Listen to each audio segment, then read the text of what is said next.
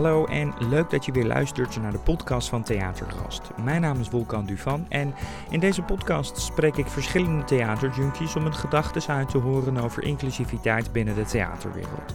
Vandaag spreek ik Gabi Mesters. Zij was vorig jaar cultuurcurator diversiteit. Dat deed ze voor het Noordwijk-overleg, het jaarlijkse overleg tussen theaterdirecteuren en bisgezelschappen.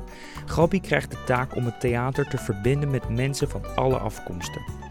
Inmiddels is ze directrice van Vereniging van Schouwburgen en Concertgebouwdirecties, maar ik spreek haar aan op haar vorige functie.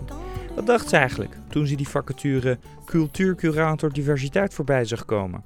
Toen dacht ik, goh, ik zou daar eigenlijk heel graag uh, voor een aanmerking komen. Ik zou ja? bouwen. Ja.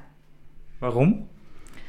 Um, omdat ik zelf mijn hele leven uh, heel erg gedreven word door, uh, door verbinding, maatschappelijke thema's. En um, dit onderwerp gaat me heel erg aan het hart. En ik zou daar graag een, een verbetering in aanbrengen. Aan het hart? Heb je er slapeloze nachten van? Uh, heb je zweethanden? Ik heb bijvoorbeeld Hans Verburgt gesproken, schouwburgdirecteur. Die, die krijgt er zweethanden van als hij aan dit onderwerp denkt. Wat, wat zijn jouw lichamelijke, misschien somatische aandoeningen die je van dit onderwerp uh, krijgt? Nee. Ik heb niet zozeer uh, dat ik er zweethanden van heb gehad. Nee, zeker niet. Ik, ik toen ik zelf jong was, werd ik heel vaak aangezien voor een, uh, een Turks meisje. En ik ben, uh, ik ben opgegroeid in Brabant, daar ook vaker mee gepest. Dus ik weet hoe raar het is uh, met, een, met een innerlijk en een hart en een ziel om beoordeeld en weggezet te worden op een uiterlijk. En dat was voor mij nog extra raar, want ik was niet eens iemand met een biculturele achtergrond. Ik had gewoon toevallig ouders met, met donkere ogen. Dus dat is bij mij altijd wel dat ik heel veel verwantschap voel met mensen die als de ander worden gezien. Ik noemde hem net al. Cultuur, curator, diversiteit. Als je drie containers op elkaar legt, eh, dan nog is misschien eh, de ruimte te klein om deze woorden te herbergen. Kun je iets vertellen over die facturen? Een cultuurcurator diversiteit is denk ik een, uh, een chic gekozen formulering voor iets om het cachet te geven. Maar feitelijk was het een initiatief van uh, 13 standplaatstheaters en 9 BIS-theatergezelschappen, die ieder jaar in november in Noordwijk bij elkaar komen. Waarom waren zij overstag gegaan om uiteindelijk zo'n vacature uh, te maken? Wat, wat, wat was voor hun een soort van switch? Dat was. Uh, het rapport van de commissie ter Horst. Daarin stond eigenlijk dat heel veel mensen zich niet meer herkenden in de thematiek. En dat dat hen ervan weer hield om naar het theater te gaan. Daarin commissie ter Horst, vanuit waar is dit geschreven? Dat is een initiatief uh, van het Noordwijk-overleg en VSD en APK. meen dat ik daarmee iedereen recht heb gedaan als initiatiefnemers die dit wilden gaan onderzoeken. En wat daar ook uit bleek is dat... Uh, uh, met name jonge makers met een biculturele achtergrond, dat die heel moeilijk geprogrammeerd werden. En dat heeft er weer mee te maken dat schouwburgen natuurlijk ook zich geen tekorten kunnen veroorloven. Dat de financieringsstructuren door de loop der jaren uh, heel weinig marge nog geven om te experimenteren met een verhaal dat niet mainstream is. En daar moest verandering in komen. Dus programmeren werd ook een belangrijk onderdeel van dit gezamenlijk avontuur. Daar ben ik nog wel benieuwd naar. Ik heb natuurlijk een schouwburgdirecteur gesproken, Hans Verbucht. En hij zegt eigenlijk... Um, mijn voorgangers die hebben het een beetje laten liggen in uh, het toegankelijk maken van het aanbod voor iedereen, bijvoorbeeld in de stad Arnhem. Um, en denk ik, ja, waar, waarom is Hans en dus 21 anderen daar nu zo wel mee bezig? Hè? Dat het zelfs een, vanuit een eigen initiatief uh, dat jij wordt aangesteld. waarom hebben die schouwburgdirecteuren dat laten liggen? Ik ben niet uh, in alle periodes uh, aan tafel geweest bij de directies. Ik denk, één belangrijk ding is natuurlijk dat de demografische samenstelling van Nederland nu zo evident en voor eeuwig gemixt gaat zijn. Dus het is een realiteit en daarmee ook een jongere generatie die een vele luidere stem heeft, zijn plek pakt. En dat is gewoon hartstikke belangrijk, dat het wat dat betreft ook activistischer benaderd is.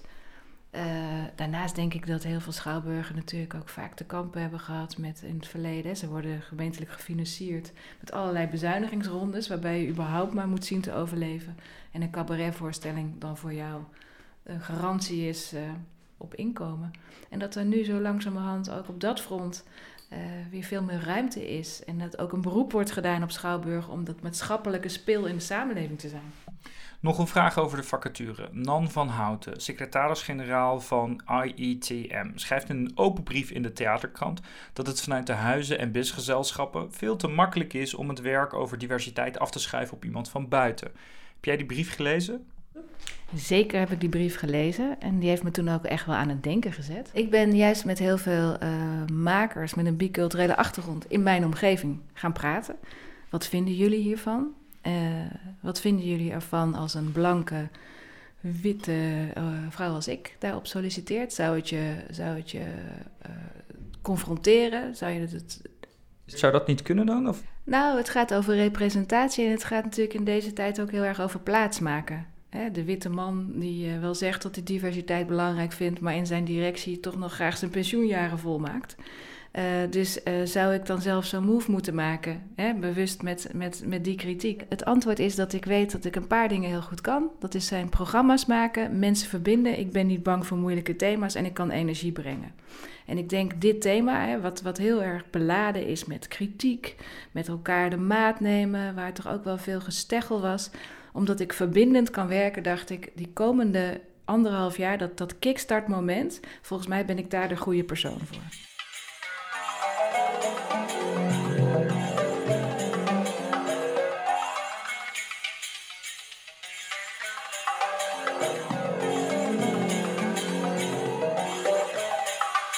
Dat we even een fast forward in het verhaal uh, inzetten, want je bent aangenomen. Wat, wat heb je in het begin gedaan? In het begin heb ik eerst nagedacht over uh, een soort van strategie. Er is heel veel kritiek op dit uh, initiatief. Laten we vooral uh, poetsen en niet lullen.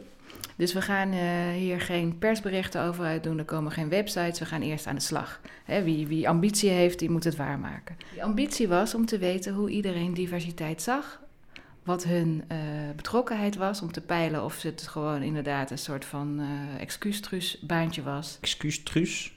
Nou ja, dat ik inderdaad voor het tijdsgevricht, uh, als met iemand met een chique naam, als het al voldoende was wanneer ik een leuke notitie zou schrijven, of dat ze werkelijk verschil wilden gaan maken. En jij was natuurlijk van, we moeten echt het verschil maken. Hoe doe je dat? Ten eerste, wat verstaan wij onder diversiteit? Wat is ons gezamenlijke vertrekpunt? Want de discussie over de definitie van diversiteit, als je terugkijkt naar eerdere initiatieven, terug tot 1998 Rick van de Ploeg, dan was dat altijd een struikelblok. Het kan een struikelblok zijn voor heel perfectionistisch ingestelde mensen die iets alleen maar kunnen beginnen als ze helemaal grip hebben op de materie. Het kan ook een struikelblok zijn omdat mensen iets willen traineren, dus zeggen ja, maar we weten niet helemaal wat we wat we bedoelen. En de code culturele diversiteit is achterhaald, dus eigenlijk kunnen we niks. Dus het was vooral zoeken naar een soort gemeenschappelijke deler van wat is dan wel ons definitievertrekpunt. En dat vonden we bij een van de partners, dat was theatergroep Oostpol.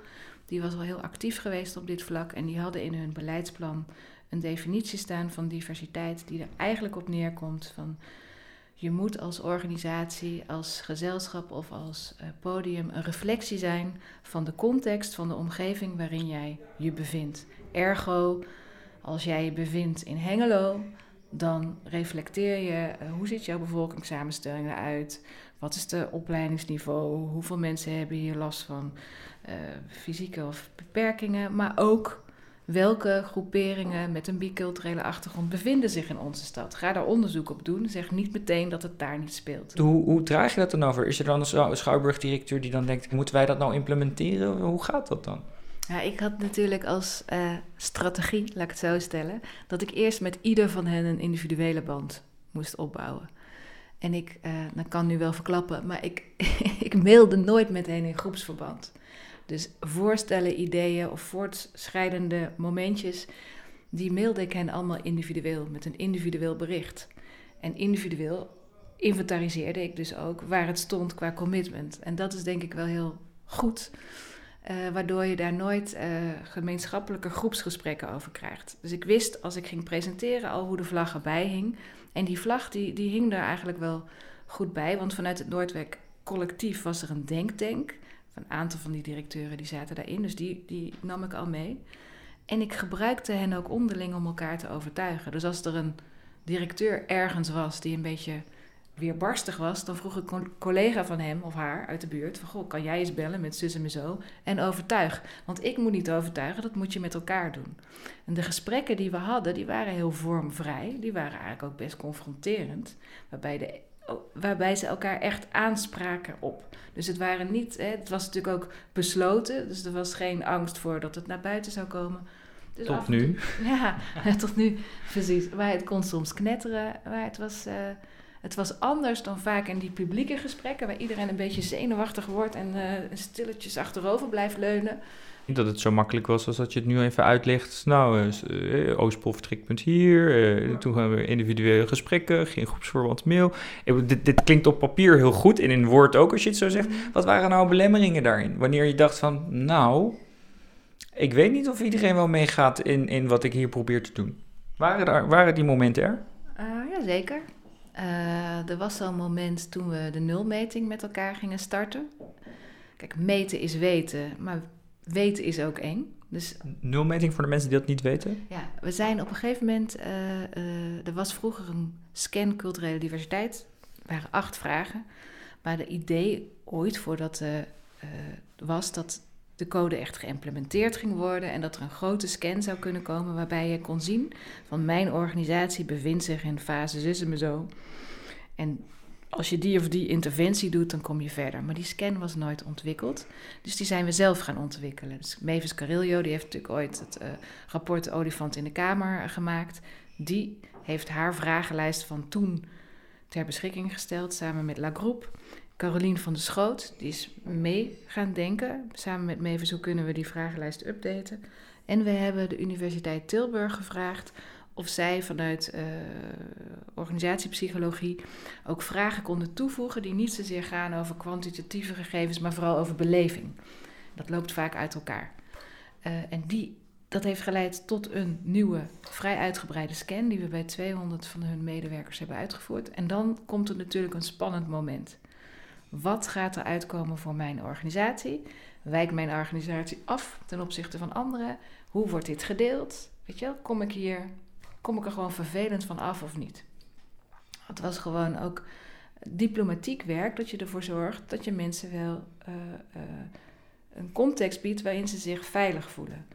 Maar daar waren ook geluiden als deze, deze enquête is niet wetenschappelijk verantwoord, dus moeten we hier dan wel waarde aan toekennen? Nou, snap je? Het is allemaal methode eigenlijk om niet aan iets te hoeven. Uiteindelijk is dat toch met masseer- en diplomatiewerk goed gekomen en heeft iedereen meegedaan. En dat vergt gewoon heel veel doorzettingsvermogen. En als je kernachtig zou moeten uh, beschrijven, uh, wat staat er in dat programma wat een gevolg geeft aan, aan uh, inclusiviteit? Mm-hmm. Nou, wat er in dat programma staat, is dat we op de verschillende P's van de code programma-onderdelen hebben ontwikkeld. Uh, vanuit de peer-to-peer uh, educatiegedachte. Bijvoorbeeld als je het hebt over programmering, hebben we alle programmeurs bij elkaar gezet. We hebben een uitvraag uitgedaan onder makers met een biculturele achtergrond of die andere verhalen. Eh, ander komt het woord alweer, dat moet ik helemaal niet gebruiken. Maar die reflecteren vanuit inclusiviteit op de samenleving. Die programmeurs die hebben samen uiteindelijk in afstemming ook met de hoofden communicatie gekeken welke voorstellingen zijn nou zo geschikt dat wij een veel uh, inclusiever publiek kunnen bereiken. Dus ook uh, bijvoorbeeld hele hippe jonge zwarte grietjes die wel naar allerlei spannende feesten gaan, maar zich helemaal niet aangesproken voelen tot het theater, wat wel edgy dingen brengt. Nou, bijvoorbeeld de voorstelling We gaan het hebben over haar een voorstelling over haardracht. Dat is echt super toegankelijk. Die is zo gekozen en nog vier andere. En je noemde net al bijvoorbeeld uh, minister van der Ploeg. Mhm. Dat was in de jaren negentig. Mhm. We zitten nu in 2019. Uh, er is nogal wat tijd verstreken. Uh, wat maakt jou, ik zeg even bezittelijk jou, jullie, um, wat maakt jullie programma anders? En dat we nu weer naar iets kijken wat in de jaren negentig ook geprobeerd werd te doen. Waarom wordt dit van jullie wel succesvol, is eigenlijk de vraag. Een ehm, paar redenen. Even schets naar het begin. Cultuurbeleid van Rick van der Ploeg, hartstikke goed initiatief, maar opgelegd van bovenaf. Hij vond het belangrijk en er is een uh, analyse geweest van het cultuurbeleid teruggaande naar Hedy van der Hedy van de Ploeg, Hedy Dancona en alle bewindspersonen daarna, wat hun beleid was op diversiteit, inclusie. Dan zie je, Hedy zegt vier jaar belangrijk thema, opvolgend minister zegt vier jaar totaal niet belangrijk, we schrappen het uit de subsidievoorwaarden. En tot op de dag van vandaag is die wisseling elke vier jaar diametraal om, andersom geweest. Wat er nou zo goed is, hè, daarom is het ook nooit bestendigd. En dan zie je met Halbe Zijlstra, dat, dan heb je net het initiatief gehad van die code, ik geloof Medie van der Laan. En vervolgens ga je hem niet implementeren. Dus het ligt in de kast, het wordt stoffig en uiteindelijk is iets achterhaald. Wat anders is van dit initiatief is dat het uit de sector zelf komt. Dus deze 21 partners hebben zelf gezegd: wij vinden dit belangrijk. Het is geen subsidievoorwaarde. We gaan eigen geld uittrekken. En we gaan er vooral tijd en energie in stoppen. En dat hebben ze echt heel consistent gedaan. Daarnaast uh, hebben we een programma gemaakt voor een langere tijd. Voor vier jaar trekken we met elkaar op. En uiteindelijk in 2021, in juni, zal er een grote slotconferentie zijn en ook een soort van toolboxje waarin dat wat zij geleerd hebben gedeeld wordt. Dat zijn natuurlijk allemaal leuke voor, hey, weet je wel, ja. gadgets. Daar gaat het niet om. Het gaat erom dat deze groep in ieder geval vier jaar lang elkaar de hand heeft vastgehouden. Dat ze alle directeuren en alle hoofden HR opnieuw steeds uh, trainingen krijgen op het gebied van inclusieve HR. Dat ze allemaal uh, een conscious bias trainingen volgen. En dat het vanzelfsprekend gaat worden. Dat het, het mooiste voorbeeld was één schouwburg, ga niet zeggen waar dat was. Daar had ik een gesprek en daar zei iemand in het bijzijn van zijn directeur tegen mij: Ik heb zo ontzettend veel bewondering voor jou dat jij je inzet voor iets dat wij helemaal niet belangrijk vinden. En die schouwburg, die heeft de meeste meters gemaakt van allemaal. We hadden laatst een presentatie en ik was eigenlijk best een beetje ontroerd. Dat ik dacht, er is iets gebeurd. Het was een gênant moment en het was een aan de oppervlakte gênant moment, wat natuurlijk ergens gewoon geïncorporeerd is. Maar kennelijk door deze hè, wrijving die er ontstaat en door alles daarbuiten, hè, want theater inclusief, dat probeert heel veel verbinding te leggen. En daar kan je ook heel veel op aanmerken, dat het nog steeds hartstikke vanuit een een bastion wordt ontwikkeld. En uh, dat dat de, de haves zijn en niet de have-nots. Maar ik zie wel dat met echt uh, volle overtuiging, zeker in de, nu het nadenken ook over nieuwe beleidsplannen en over het verantwoordelijkheid nemen voor dit thema, dat het, het zit, het begint echt in het hart te raken. Jij gelooft erin? Ik geloof er zeker in. Je bent nu niet meer, uh, waar we het net over hadden, cultuurcurator diversiteit. Uh, nu, nu is daar uh, misschien minder of meer chic bijgekomen. Je bent directrice van uh, de Vereniging voor Schouwburg en Concertgebouwdirecties. Um, als je het mij vraagt, lijkt dat een 1 plus 1. En zit je daar eigenlijk, nu ben je eigenlijk de bondscoach geworden. Je was een clubcoach ja, en nu ben je bondscoach. Nu kun je ze nog beter in het gereel houden eigenlijk.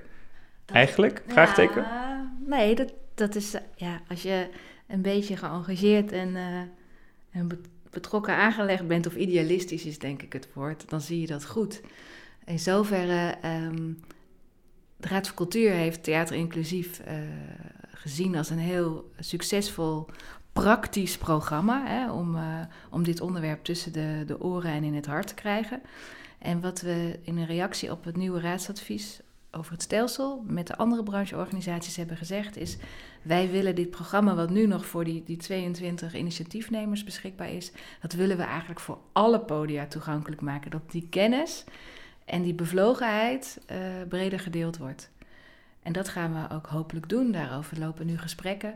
En ik, zie, ik hoor ook heel vaak als ik ergens kom van... goh, ik kan niks vinden over dat programma op het internet. Hè, dat ooit een reden. Uh, maar ik wil heel graag meedoen dat we dat gewoon gaan faciliteren. En ik denk dat daar ook eigenlijk voor het Rijk een opdracht ligt. Als minister van Engelshoven dit belangrijk vindt, dan gaat zij niet in haar uh, nieuwe ja. subsidierichtlijn alleen maar zeggen: je moet het doen of een kwotum opleggen.